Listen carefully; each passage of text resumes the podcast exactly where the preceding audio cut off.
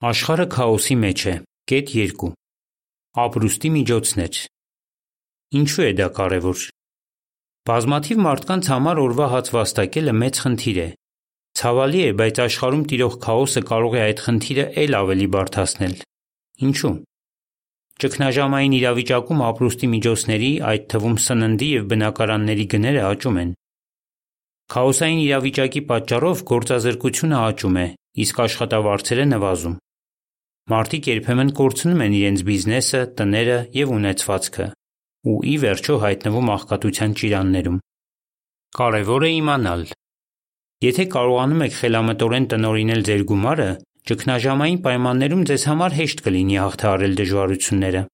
Մարդու ֆինանսական վիճակը կարող է կտրուկ փոխվել, քանի որ փողը, խնայողությունները և նյութական այլ միջոցները կարող են արժեզրկվել։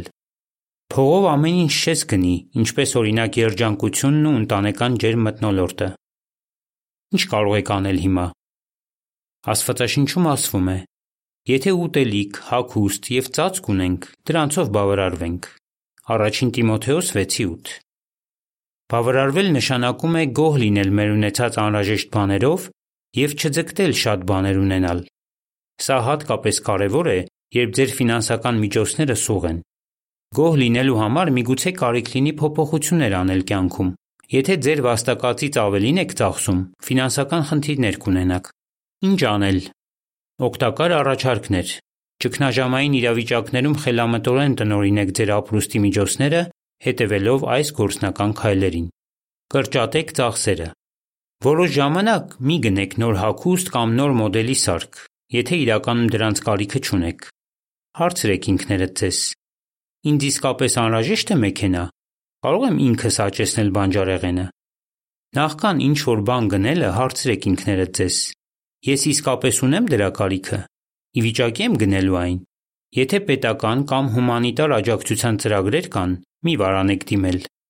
Մենք ընտանիքով նստեցինք և քննարկեցինք մեր կենսակերպը։ Որոշեցինք կրճատել զվարճությունների վրա ծախսվող գումարը։ Նաև սկսեցինք այնպիսի ճաշեր պատրաստել, որոնք ծախսատար չեն։ Գիֆտ Բյուջե կազմեք։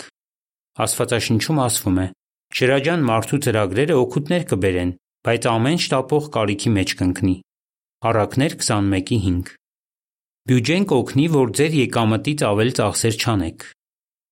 Նախ նշեք, թե ամսվա ընթացքում որքան եկամուտ եք ստանալու։ Այնուհետև նշեք ձեր ամսական ծախսերը և մտածեք, թե ինչ փոփոխություններ կարող եք անել։ Հետո եկամուտը համեմատեք ծախսերի հետ և անհրաժեշտության դեպքում ստուգեք, թե արդյոք կարող եք կրճատել ծախսերը, որպեսզի չգերազանցեք բյուջեն։ Ամեն ամիս մենք գրի ենք առնում մեր եկամուտներն ու ծախսերը։ Փորձում ենք որոշակի գումար մի կողմ դնել հետագա ամիսների, ինչպես նաև չնախատեսված ծախսերի համար։ Դրա շնորհիվ մեր սթրեսը նվազում է, քանի որ նախօրոք գիտենք, թե ինչպես ենք օգտագործելու մեր եկամուտը։ Կառլոս Խուսափեք պարտքերից, գումար խնայեք։ Ծրագրեք, թե ինչպես եք կրճատելու ձեր պարտքերը։ Հնարավորության դեպքում պարտք մի արեք։ Եթե ինչ-որ բան եք ուզում գնել, գումար խնայեք։ Պլանավորված կամ չնախատեսված ծախսերի համար ամեն ամիս փոքր գումար մի կողմ դրեք։ Ջանասեր եղեք։ Ձգտեք չկորցնել ձեր աշխատանքը։ Աստվածաշնչում ասվում է. Ամեն տեսակ աշխատանքից օգուտ կա, բայց սոսկ շուրթերի խոսքերը կարիքի մեջ են գցում։ Առակներ 14:23 Դրական վերաբերմունք ունեցեք ձեր աշխատանքի հանդեպ։ Եթե նույնիսկ դա ձեր երազած աշխատանքը չէ, միևնույն է, ձեր ապրուստի միջոցն է։ Ձգտեք լինել ջանասեր և հուսալի անձնավորություն։ Դա կօգնի ձեզ չկորցնել աշխատանքը, իսկ այն կորցնելու դեպքում հեշտությամբ նորը գտնել։ Ինչ գործ էլ որ լինի, անում եմ, եթե նույնիսկ չեմ սիրում այդ աշխատանքը, կամ աշխատավարձը այնքան չէ, որքան կուզեի։ Ձգտում եմ միշտ բարեխիղճ լինել և որակյալ գործ անել, այնպես անել, ինչպես ինձ համար կանեի։ Դմիտրի. Եթե աշխատանք եք փնտրում Նախաձեռնող եղեք։ Կապ հաստատեք տարբեր ընկերությունների հետ, նույնիսկ եթե նրանք աշխատանքի առաջարկ չեն տեղադրել։ Տեղեկացրեք ձեր ընկերներին ու բարեկամներին, որ աշխատանք եք փնտրում։ Հարմարվող եղեք։ Դժվար թե այնպիսի աշխատանք գտնեք, որը կբավարարի ձեր բոլոր պահանջները։ Իմացեք ավելին։ Կարդացեք «Ինչպես ապրել քիչ գումարով» հոդվածը։ Այն կարող եք գտնել jw.org կայքում։ Հոդվացի ավարտ։